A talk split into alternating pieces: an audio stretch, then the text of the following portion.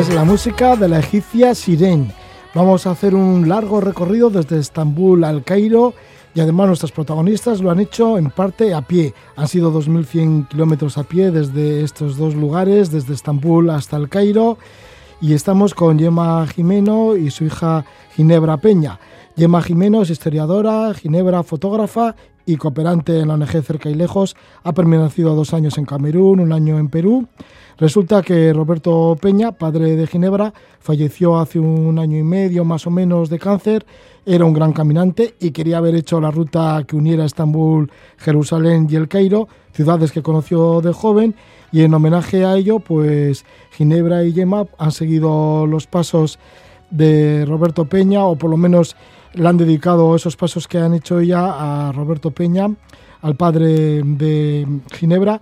Y así pues han hecho este largo recorrido que les ha llevado seis meses. Partieron el 12 de junio de 2018 y terminaron el 8 de diciembre. Vamos a hablar de cómo ha sido este recorrido de Estambul al Cairo. Así tenemos con nosotros a Yema Jimeno. Muy buenas noches, Yema. Hola, Roge, buenas noches. También está Ginebra. Muy buenas noches, Ginebra. Hola, Roge, ¿qué tal? Pues sí, que todo es una especie de, diríamos, homenaje, ¿no? Que realizas Ginebra a tu padre, a Roberto.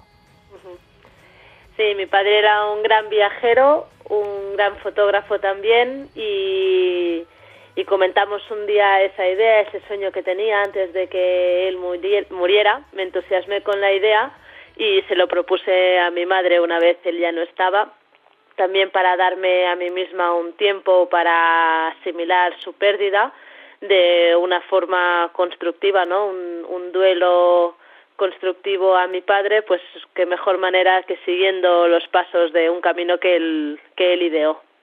¿Ha sido fácil recorrer a pie este trayecto?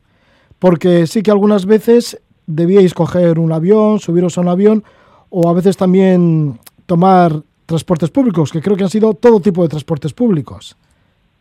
Sí, la verdad es que hemos variado un poquillo la ruta que teníamos prevista para buscar también un poco la autenticidad de cada uno de los países en los que estábamos, ¿no?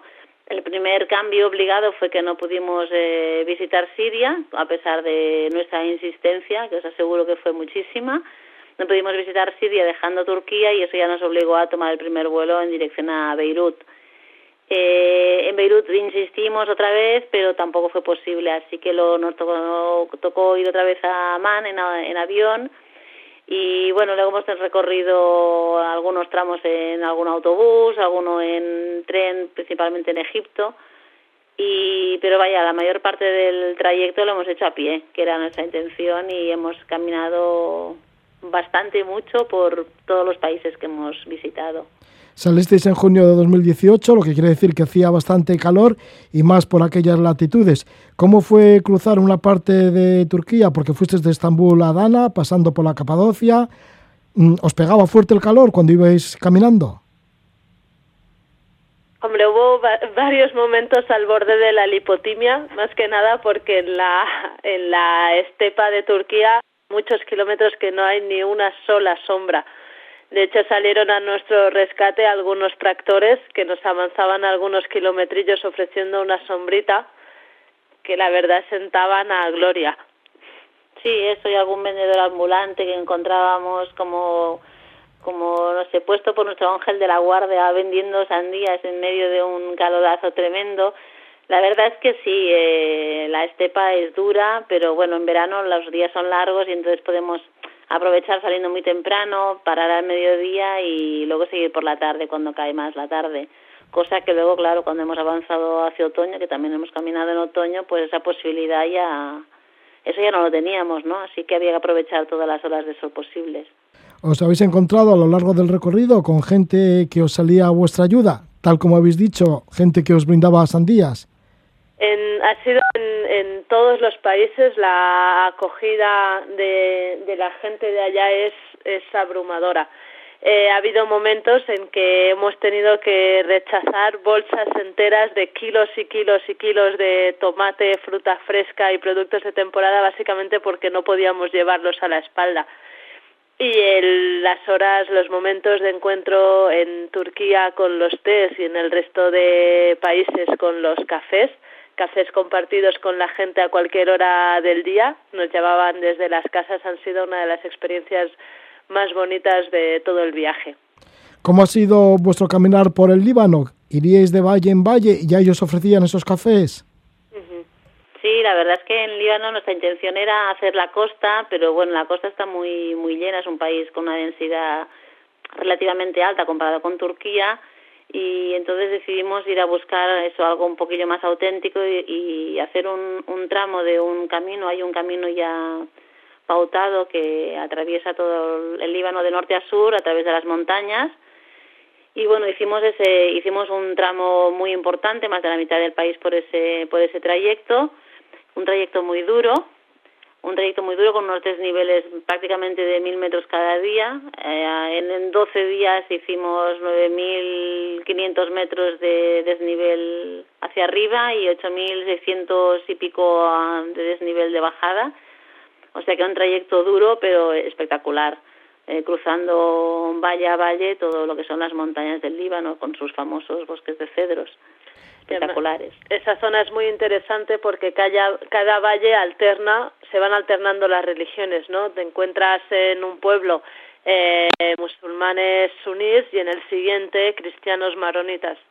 Y el contraste es, es muy apasionante porque entiendes bien o cómo se desarrolló todo el, o sea, de dónde salió el conflicto, ¿no? Que desoló el país en una guerra civil tremenda de muchos años. ¿Cómo ha sido vuestro encuentro con la religión? Bueno, con las religiones, porque es un lugar en donde han brotado las tres religiones monoteístas, ¿no? El judaísmo, el cristianismo y, el islam. Pues con eso hemos tenido muchísima suerte porque hemos conseguido encontrarnos en el corazón de las grandes tres eh, monoteístas en momentos muy especiales. Eh, con la religión, con, los, con la religión judía, estuvimos eh, celebrando la, llegamos a, a, Israel eh, en plena celebración del Yom Kippur y, pudimos acudir a las primeras ceremonias en, en una de las sinagogas, nos invitaron y luego celebrando un Shabbat con una familia ultraortodoxa que fue un encuentro muy muy interesante. Eh, luego hemos estado también eh, pasando unas cuantas horas a puerta cerrada en el Santo Sepulcro, en la iglesia del Santo Sepulcro y, bueno y, y, dentro del Santo Sepulcro mismo, eh, en compañía de, de bueno de monjas de de, de distintos cultos religiosos cristianos, tanto pues coptos como la iglesia etíope, como ortodoxos. Bueno, hay, hay, hay la posibilidad de mm, muy restringida de, de pasar unas horas una vez se cierra el recinto nos enteramos así un poquillo eh, por, por chiripa y decidimos eh, probar suerte y sí, sí fue así. O sea que tuvimos el gran privilegio ese. Y luego hemos compartido celebraciones también con las comunidades musulmanas. Eh, la verdad es que ha sido un gran privilegio. Eh, llegamos, empezamos el viaje eh, justo en época del final del Ramadán, con lo que compartimos las fiestas de locales de celebración del final de, de este momento tan importante por los musulmanes. Y ya llegando a Egipto una familia nos acogió y justo ese día una, en una pequeña población en Comumbu, o sea, en una población pequeña en los alrededores de Comumbu, eh, estaban celebrando el aniversario del nacimiento de Mahoma y fue una una festividad muy impresionante porque era en una en un pueblo muy pequeño pero se se concentró toda la población bueno todos los hombres del pueblo no en un en un mismo punto donde hacían bailes y cantes rituales con estaban todos como en una especie de trance y las mujeres que nos habían acogido nos vistieron y nos permitieron eh, acudir a esa celebración de hombres eh, pues eso. Sí, que tiene ya un gran privilegio, ¿no? Conectar con toda esa espiritualidad. Por ejemplo, hay cuando entraste en Egipto y la celebración del nacimiento de Mahoma, cuando entraban en trance y, por ejemplo, cuando habéis comentado que también celebrasteis el Sabbat con una familia judía, ¿cómo os acogió esta familia? La verdad es que no podemos tener ninguna queja, nos han acogido tremendamente bien. Es cierto, sí que es cierto que tiene unos protocolos mmm, tremendos la celebración del sábado en familia. Y claro nosotros éramos íbamos como un par de pardillas no intentando pues no seguir sus indicaciones y estar muy atentas. Pero la verdad una abertura importante tenían era un, hicieron una cena después de, de la celebración en la sinagoga en, en la casa de uno de ellos que era el que dirigía un poco las sea de anfitrión de, de la comunidad y éramos una, aproximadamente unas 12 personas y pudimos compartir con ellos, eh, bueno, pues eh, sus inquietudes y a la vez también, pues bueno, luego hicimos una rueda y explicamos un poco nuestro proyecto y la verdad es que nos trataron muy bien. Nos costaba un poquillo seguir todos, todas las indicaciones, ¿no? Porque son muy, muy, son muy, muy ceremoniosos y muy protocolarios con sus celebraciones pero la verdad que considero que sí que ha sido una gran suerte poder explicarlo. Lo mismo, ya lo habéis dicho, ¿no? Estar en el Santo Sepulcro, pasar allí una parte de la noche, cuatro horas de la noche en Jerusalén, en este lugar pues tan sagrado para los cristianos. Sí, tuvimos momentos muy especiales de, de conexión y compartir, mmm, bueno, poder ser testimonios de la, de la espiritualidad de la espiritualidad que llega en su máximo apogeo en un sitio tan tan sagrado para la para todas las culturas y las iglesias cristianas. Y poder compartir el espacio y los momentos de emoción con gente que llega de todo el mundo para por fin alcanzar un sueño que parece de vida para muchos, ¿no? Poder estar ahí ha sido un privilegio inmenso. ¿Cuál ha sido algún hito del camino de esos de que queríais llegar, no sé, digo, a Jerusalén? Bueno, pues ya la tenemos aquí y la entrada ha sido bonita. O no sé, no sé si es Jerusalén o otro de los lugares. Bueno, cada punto del, de, del viaje sí que tenía la cosa esa que conforme nos íbamos acercando, pues nos entraba pues una, una excitación como, como de, criaturas, porque son sitios la mayoría muy míticos, ¿no? Y que, bueno, míticos también por, por la historia que arrastran de, lo que significaron para, para, para Robert, de lo que significaron para nosotros, de que, bueno, todos hemos leído en nuestra juventud libros de aventuras y de viajes y hemos pasado, pues eso, desde Jerusalén a Istambul, eh, la Capadocia con la magia de, de sus iglesias, eh, Egipto con toda la historia que hay allí, la entrada en Jerusalén por la, bueno, no sé, cruzando la muralla tenía un, un componente muy importante también, Beirut, que es, bueno, nuestros, como mínimo mis lecturas de, de periodismo de juventud, pues hay mucha carga ahí para nosotras, ¿no? Petra, eh, no sabría deciros, no querría olvidarme de nada, pero sitios muy, muy míticos. La verdad es que entrar, entrar a pie eh, es como que hace justicia a los sitios, ¿no? Hace justicia a los lugares, no, no recorrerlos así deprisa de uno para otro como si los fuéramos tachando de una lista, sino que cada lugar le hemos podido dedicar el tiempo que, que se merece o que sí, un tiempo un tiempo especial, ¿no? Dedicarle una atención especial y eso ha sido bonito. Una atención especial que tiene lugares magníficos, ¿no? Por ejemplo, el desierto de Petra uniéndolo con el Wadi Run. Y esto lo habéis hecho en Jordania, ¿no? Que habéis cruzado a pie el desierto de Petra y habéis llegado hasta Wadi Run.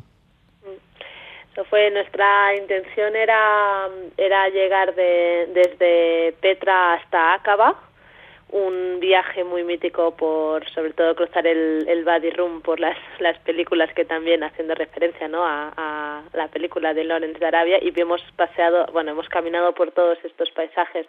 Una de las sensaciones más de libertad más grandes que nos hemos encontrado fue a la, a la salida de Petra en la que iniciábamos ese, ese camino de 12 días que sabíamos que de ahí en adelante a nuestras espaldas estaba la seguridad de la ciudad, de los recursos, el agua, la comida, y para adelante eran 12 días de, de desierto, con, claro que siempre al final pues nos lo hemos apañado y ha sido nos, nos han cuidado muy bien a lo largo del camino, nos han ayudado a, con el agua, con la comida, nos han nos han dado un poquito de asistencia en eso, pero esa sensación de estar con las mochilas y tener el desierto enfrente y dar esos primeros pasos ha sido un, un momento de en que un momento en que ha culminado toda la experiencia de ese camino, ¿no?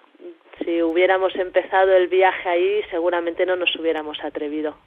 ¿Habéis dormido, sí, habéis dormido, por ejemplo, al aire libre allí en el desierto, en el desierto de Wadi Rum, o en otros lugares? Llevábamos una tiendita muy muy pequeñita para dos. Cargábamos con unos 5 litros de agua cada día cada una.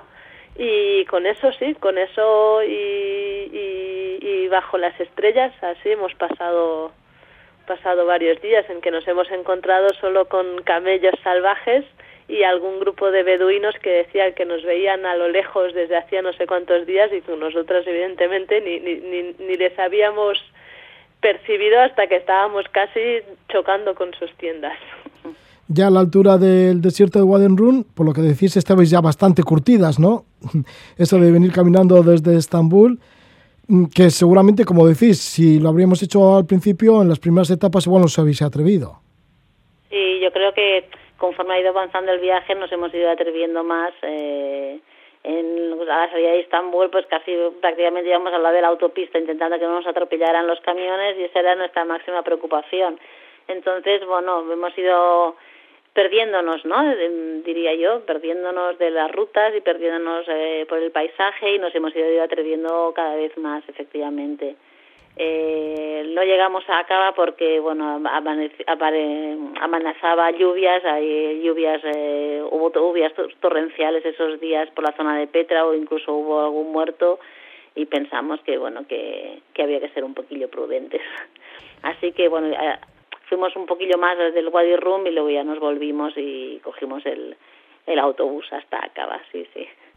Acaba en el Mar Rojo, ¿cómo ha sido el paso a Egipto? ¿Y en Egipto habéis podido caminar? Pues el paso en el Mar Rojo fue por, por barco y cogimos un barco de Acaba hasta, ¿cómo se llamaba la ciudad? Noiva. Noiva, Noiva eso es.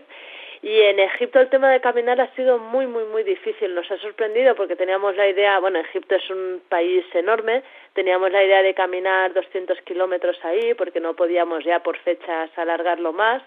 Eh, habíamos previsto el, pa el paso, o sea, el, el, el, tramo desde Asuán a Luxor para luego entrar al Cairo, o sea, coger un tren que nos dejara a las afueras del Cairo y entrar al Cairo andando pero la complejidad de este tramo es que no hay ni un solo hotel ni albergue en toda la zona. Entonces toda la población tiene una preocupación tremenda por lo, por lo referente al terrorismo y no encajaba en su, en su mentalidad que pudiéramos eh, dormir en, en cualquier lado. Entonces, mm, literalmente no hemos podido caminar tanto por la presión hacia el turista, que es altísima. En Egipto sabrán que, bueno, los que hayáis estado por allí, que el acoso al turista es, es difícil de llevar, a veces sobrecogedor, más cuando sois dos, somos dos mujeres en mochila, eh, la preocupación era tanta de la población que literalmente no nos han dejado caminar, ¿no? Nos vino la policía a echarnos de una estación, a decirnos que no podíamos dormir allí, que teníamos que irnos a un hotel, que no podían responsabilizarse de nuestra seguridad y que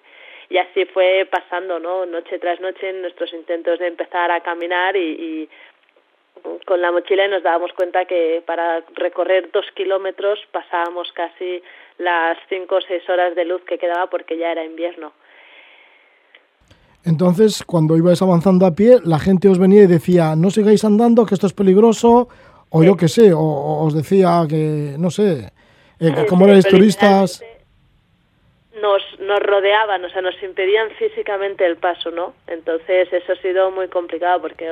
¿Pero qué lo hacían para vuestro bien? Sí, bueno, desde la curiosidad, primero por la curiosidad de saber qué, qué hacemos dos mujeres ahí, que nos pre presuponían de entrada que nos habíamos perdido. La barrera lingüística era muy, muy acusada ahí en, en Egipto porque prácticamente nadie hablaba inglés y nuestro árabe es muy, muy, muy limitado. Entonces, de entrada, para entender que efectivamente que no estábamos perdidas, que sabíamos dónde íbamos, ya era, ya eso ya suponía media hora. Luego, otra hora y pico para darnos a entender que era peligroso y que había terrorismo y que podíamos tal, otra media hora para buscar a alguien que pudiera hablar inglés y expresarnos su preocupación y finalmente cuando ya entendían el propósito de nuestro viaje, que llevábamos mucho tiempo andando, que no que estábamos confiadas y que sabíamos lo que hacíamos, ya nos caía la noche y teníamos que buscar un sitio donde dormir. Así que la, lo que nos ha permitido en las épocas de verano y otoño en el resto del camino, que es disponer de muchísimo tiempo de luz para gestionar todas estas situaciones, en Egipto ha sido imposible. De manera que, ¿cómo llegasteis hasta el Cairo? Pues al final fuimos trampeando un poquito de estación en estación de tren, intentando hacer algunos kilometrillos por el camino, al menos para, para conocer las, las zonas rurales de, de Egipto, y entramos en tren, ahí entramos en tren al Cairo. Bueno, al Cairo entramos andando, ¿no? Sí, bajamos un par de estaciones antes y nos pudimos hacer unos 25 kilómetros para poder hacer la entrada al Cairo a pie, ¿no? Después de ese largo viaje nos nos negábamos a entrar en tren al Cairo, así que nos bajamos un poquillo antes y, y, nada, con la mochila allí. Esperamos que se hiciera de día porque era un tren prácticamente nocturno y, y nos dejó pues a las 4 de la mañana en una estación perdida, nos tomamos ahí un ratillo y ya cuando empezó a clarear, pues nada, un té y para el Cairo. Estamos con Gemma Jimeno y Ginebra Peña que nos están hablando de cómo ha sido esta travesía desde Estambul hasta el Cairo. En el recorrido han hecho 2.100 kilómetros a pie, el resto pues tomando algún avión que otro, también en transportes locales, en autobuses, en trenes, inclusive en tractores. La gente ha sido muy amable en el recorrido, pues cuando hacía calor en el verano os daban frutas y también seguramente como habéis tocado tantos puntos rurales, habéis participado, yo que sé, en las cosechas o en recoger la aceituna o algo así. Efectivamente, sí, sí, en nuestro paso por Israel y Palestina uh, hicimos el camino de, de, norte a sur, cuando cruzamos a Cisjordania y entramos en Cisjordania, y la verdad es que sí, que era la época de recogida de aceitunas. Hay mucha tradición de grupos de voluntarios españoles que van allí a ayudar, porque hay algunos conflictos que a veces les impiden recoger las aceitunas, y hay un movimiento de solidaridad allí con la población palestina para la recogida de aceitunas y sí, pudimos estar con una familia muy numerosa y nos propusieron de ir a recoger con ellos y sí, sí, pues nos fuimos al día siguiente a recoger aceitunas con ellos y bueno, es como un, una fiesta, ¿no? Se junta la familia y, y, es, y es bonito, sí, hemos recogido también nueces en, en el Líbano y manzanas y bueno, la, la, los frutos de temporada, pero en, en Palestina sí ha sido muy bonito poder vivir con las familias esos momentos de, de recolección, ¿no? Todas las familias tienen en su huerto algunos algunos olivos y algunas se dedican específicamente a eso. Ginebra, ¿ya ha estado muy bien eso de ir con tu madre? De caminar durante tantos días, ¿no? Durante seis meses en la compañía de Gemma, de tu madre. Ha sido increíble. Eh, ya, nos, ya nos esperábamos que iría bien porque nos entendemos mucho como madre e hija, pero además hemos descubierto que nos entendemos como compañera de viaje, que eso es uno de los mayores lujos que una puede desear en la vida, vamos, estar con su, con su madre seis meses, entenderse de esa manera, la, la complicidad que ha salido, la conexión, nos hemos eh, apoyado muchísimo la una a la otra. Cuando una flaqueaba, le flaqueaban las fuerzas, estaba la otra para levantar los ánimos. Cuando con una sola mirada nos entendíamos y si había que armar un, un, un, un buen pollo por bueno por, por protección, pues nos, nos entrábamos en sintonía y las dos parecíamos prácticamente árabes discutiendo en los mercados y mm, también han sido la en un momento tan duro con, como es ese, ¿no? De asumir la pérdida de mi padre y, y afrontar los, los próximos pasos en mi vida, poder contar con la guía de mi madre ha sido un, un, un privilegio y una necesidad muy, muy, muy, muy básica. Yo creo que desde estos meses me han permitido asumir eh, la pérdida que el dolor que siento, que sentiré durante mucho tiempo, sea más leve y afrontar con ilusión los próximos pasos que vienen. Hay que recordar, pues sí, que este viaje lo hiciste por tu padre, por Roberto Peña, que le gustaba muchísimo esta zona, que era fotógrafo y ha sido pues un homenaje todos esos pasos que habéis dado, esos esos kilómetros, esos 2.100 kilómetros en seis meses desde Estambul al Cairo, pues ha sido un homenaje a tu padre Roberto Peña. ¿Y cómo fue el final del viaje? ¿Cómo fue el final del mismo? Pues el final del mismo, estuvimos una semanita en el Cairo y bueno, mmm, hemos podido visitar el país porque no lo conocíamos ninguna de las dos. La verdad es que nos hemos permitido hacer un poco de turisteo también y los dos últimos días pues alguna comprilla para la familia, pero la verdad es que y, hemos ido pasando los últimos días como cerrando, ¿no? Como, como cerrando diferentes capas del proceso del viaje, del tiempo que, que nos quedaba juntas, ¿no? De recapitulando, mirando fotos, eh, sí, ir cerrando un poquillo todo, todo ese periodo, ¿no? De hecho, creo que aún estamos cerrando un poquito, pero sí, sí, mm, una cierta añoranza, diría yo. ¿Qué opinas tú, Ginebra? Mm. Hay veces que me gustaría levantarme en medio del desierto en la pequeña tienda cochambrosa y apestosa en la que estuvimos ahí, pero se echa la casa encima. Barcelona, se, que es una ciudad maravillosa y espléndida, pero llegar en, en, en invierno es duro y tenemos síndrome de abstinencia de andar, cosa que no nos esperábamos mm. y nos cuesta enormemente estar sentadas en una silla y encerradas en unas paredes. Bueno, pues gracias por estar con nosotros este momento que también habéis estado encerradas para comentarnos este y darnos el testimonio de este viaje tan bonito que habéis hecho madre y hija, Yenma y Ginebra, pues recorriendo el Oriente Medio, una parte de, Oriente Medio, del próximo Oriente. ¿Y qué os iba a decir? Em, finalmente, yo no sé si habrá un libro o algo, o se puede buscar información de esto más detallada, de todo este viaje.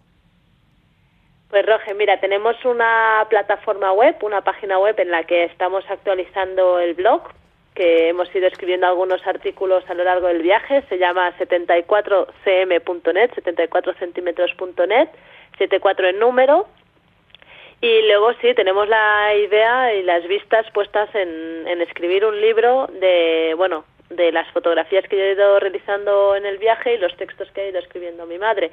Y, pero bueno, con calma hay muchísimo trabajo por hacer, muchísimas ideas por ordenar y para el año que viene. Pues a ver si tenemos suerte y volvemos a retomar la conversación y saber de, de que este libro está publicado. Muchísimas gracias por habernos contado esta bonita, diríamos, hazaña, ¿no? Entre comillas, porque bueno, yo creo que realmente es una hazaña, pero bueno, es una hazaña no solo física, sino que también espiritual y de muchas cosas más. Muchísimas gracias por estar con nosotros. Muchísimas gracias, gracias, Roge. Muchas gracias a ti, Roge. Un placer.